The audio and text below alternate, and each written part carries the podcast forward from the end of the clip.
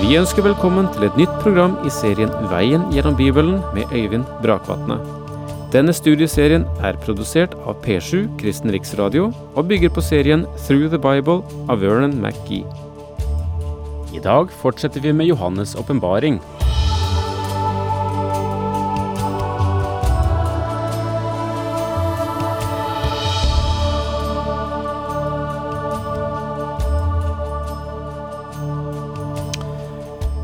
Vi befinner oss i dette veldige tolvte kapittel, og det er jo høyst dramatisk. Starter med å beskrive to kombatanter. To eh, som strider mot hverandre. Og så sies det at det er krig i himmelen. Og Mikael og hans engler kaster Satan ut. Det fører til en ny strid på jorden, en ny intensitet i den kamp som vil foregå eh, på jordisk plan. Og de versene vi leste før vi sa farvel til hverandre sist, det er introduksjonen til denne kamp på jordisk plan som vil foregå. Det er draken nå som forfølger kvinnen. Og vi da går, går da inn igjen i åpenbaringsboken kapittel 12 og leser vers 13 og 14. Da draken så at den var kastet ned på jorden, forfulgte den kvinnen som hadde født guttebarnet. Men hun fikk de to vingene til den store ørnen, så hun kunne fly ut til sitt sted i ødemarken for å få mat og det hun trengte, i én tid og to tider og en halv tid langt borte fra slangen. Dette, mine venner, er den siste bølge av antisemittisme som skal rulle over jorden, og det er den verste, fordi Satan er kastet ned på jorden og vet at hans tid er kort. Han hater Israel fordi Kristus kom fra dette folket etter kjødet.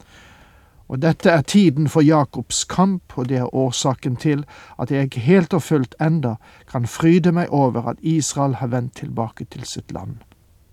Noen mennesker tror at de er kommet tilbake for å feire tusenårsriket. Det er de ikke. De er kommet tilbake for å møte den store trengselsperiode, om de i hele tatt er kommet tilbake for noen årsak, ifølge Guds ord. De to vingene til den store ørnen ble gitt henne så hun kunne fly inn i ørkenen. Det er dem som i dette ser de flyene som tok og tar Israel til sitt skjulested. Det synes jeg blir en for trang og kortsiktig forklaring. De to vingene til den store ørnen er ikke noe uvanlig eller merkelig for dette folk, men minner om den nåde Gud gav da Israel i sin tid forlot Egypt. Han sa til dem, Dere har sett hva jeg gjorde med egypterne, og hvordan jeg løftet dere på ørnevinger og bar dere hit til meg. Det står i 2. Mosebok kapittel 19 vers 4, og det kan iallfall ikke ha noen ting med fly å gjøre. De var ikke kommet ut fra Egypt på bakgrunn av sine egne anstrengelser eller sine egne evner. De kom ut derfor at Gud førte dem ut, og ørnevinger ble et symbol for dem. Og her, under den store trengsel, kan heller ikke Israel utfri seg selv, og ingen andre er interessert i å fri dem. Men Gud skal føre dem ut på ørnevinger ved sin nåde. Og da skjønner dere at da er spørsmålet om fly et for trangt begrep å operere med her. For her har vi Guds direkte inngrep i denne situasjonen. Ut til sitt sted i ødemarken. Den ødemarken har blitt tolket forskjellig. Den ene tolkningen dreier seg om klippebyen Petra. Noen sier at det er ørkenen i folkevrimelen i verden, det vil si at det vil enda en gang komme en verdensvid adspredelse for Israel. Siden Kristus sa fly opp i fjellene i Matteus 24, vers 16, synes det nesten sannsynlig at dette er en reell ørken muligvis av samme karakter, der Israel tilbrakte 40 år under Moses. Den tid det her er tale om, er 42 måneder, for det er betydningen av én tid og to tider og en halv tid. Det viktige her er ikke stedet, men det faktum at Gud vil beskytte og bevare dem ved sin nåde. For å få mat og det hun trengte, minner oss om at i fortiden gav Gud dem manna fra himmelen og vann fra klippen, og det er mulig at han på lignende måte skal lære dem å ta hånd om dem. Det vet vi ingenting om, vi vet bare hva Gud har gjort.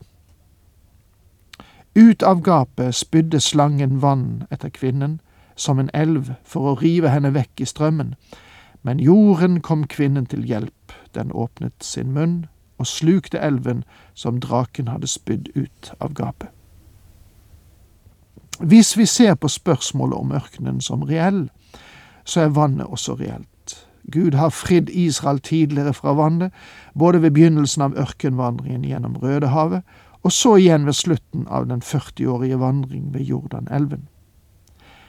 Men den elv det tales om her, kunne også oppfattes som armeer som velter fram som en flodbølge mot dem. En slik beskrivelse er blitt brukt av Jesaja. Det ser du om du leser det åttende kapittelet i Jesaja-boken. I Esekiels bilde av de siste dager møter vi kongen fra nord som marsjerer mot Israel. Satan vil bruke ethvert middel for å knuse dette folket. Hvordan vil han bli stoppet? Det finnes ikke noe folk som kan stoppe ham, men Gud er der, og han skal ødelegge ham gjennom naturlige virkemidler når han forsøker å erobre landet. Jeg straffer ham med pest og med blodsutgytelse. Jeg sender høljende regn og haglsteiner, ild og svovel lar jeg regne over ham og hans fylkinger og over alle folkene som er med ham. Dette gir oss en antydning om hva Johannes taler om her i åpenbaringsboken.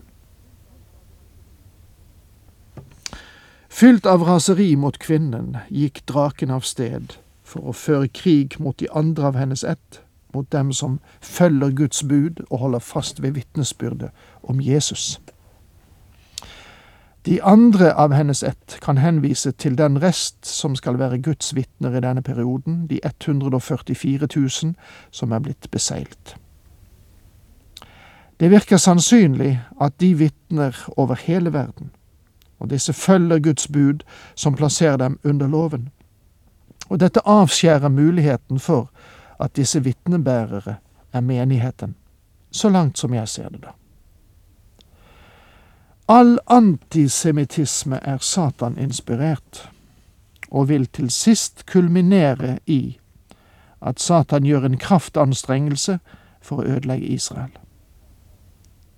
Fra mursteinsbrukene i faraos Egypt, forbi Hamans galger, Herodes grusomme edikt via Hitlers holocaust og frem til den store trengsel, har Satan hele tiden ledet angrepet mot dette folk på grunn av barnet Jesus Kristus.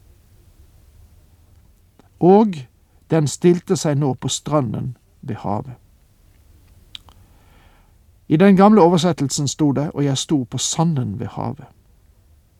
Det virker som det henviser til Johannes, men av sammenhengen ser vi, og de beste håndskriftene bekrefter det, at den eller han er det riktige. Hvem er han? Jo, det er draken eller Satan i det foregående verset. Draken og Satan er den samme, og dermed er det duket for en aksjon fra Satans side. Egentlig kunne dette verset godt vært knyttet til neste kapittel, men det forteller at noe alvorlig er i ferd med å skje. Og dermed løper det tolvte kapitlet ut og vi er klar til å gå inn i, i kapittel 13. Det er syv skikkelser når vi går i kapittel 13, som trer frem for oss ved den syvende masun. Fem av dem har vi møtt i kapittel tolv. Kvinnen, eller Israel, den røde drake, Satan, kvinnens barn, Kristus, Mikael, overengelen, og Israels rest, det vil si de 144 000 som hadde fått sitt seil av Gud, og som skulle berges gjennom den store trengsel. I kapittel 13 møter vi de to siste skikkelser som løftes frem for oss. En av dem er dyret fra havet. Dette er både en politisk makt og en person. Det andre er dyret fra jorden, og det er en religiøs leder. Og her møter vi disse to personene, og her får vi fortalt hvilken kolossal krig som foregår mellom lys og mørke, mellom Gud og Satan.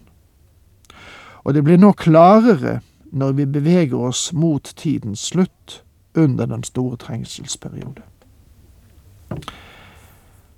Disse to dyrene ble presentert for oss som villdyr. Det er den bokstavelige tolkning. Det er galt nok å være et dyr, men å være et villdyr forteller om skadevirkninger.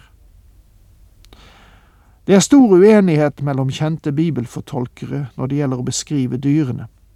Noen anser det første dyret å være en person, mens andre ser på det som den siste fremstilling av det romerske imperium.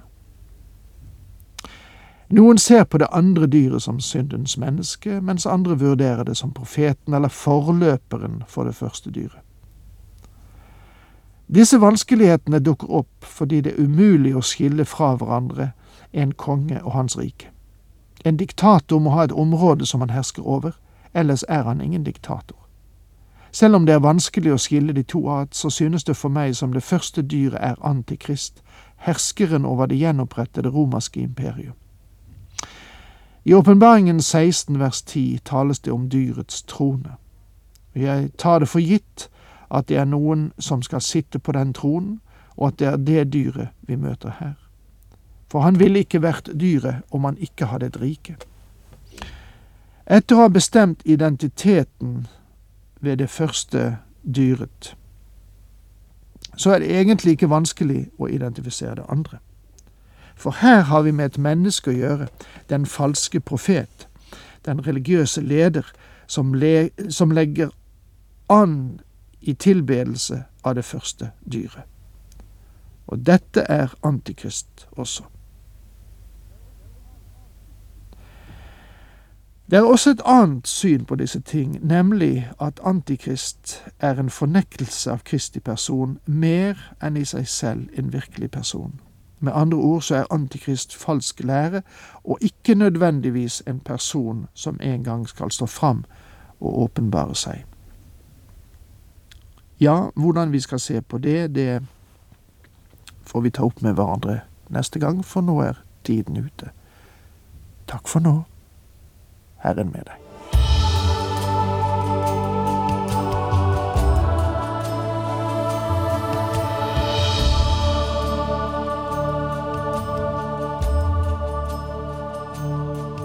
Du hørte Øyvind Brakvatne i studieserien Veien gjennom Bibelen.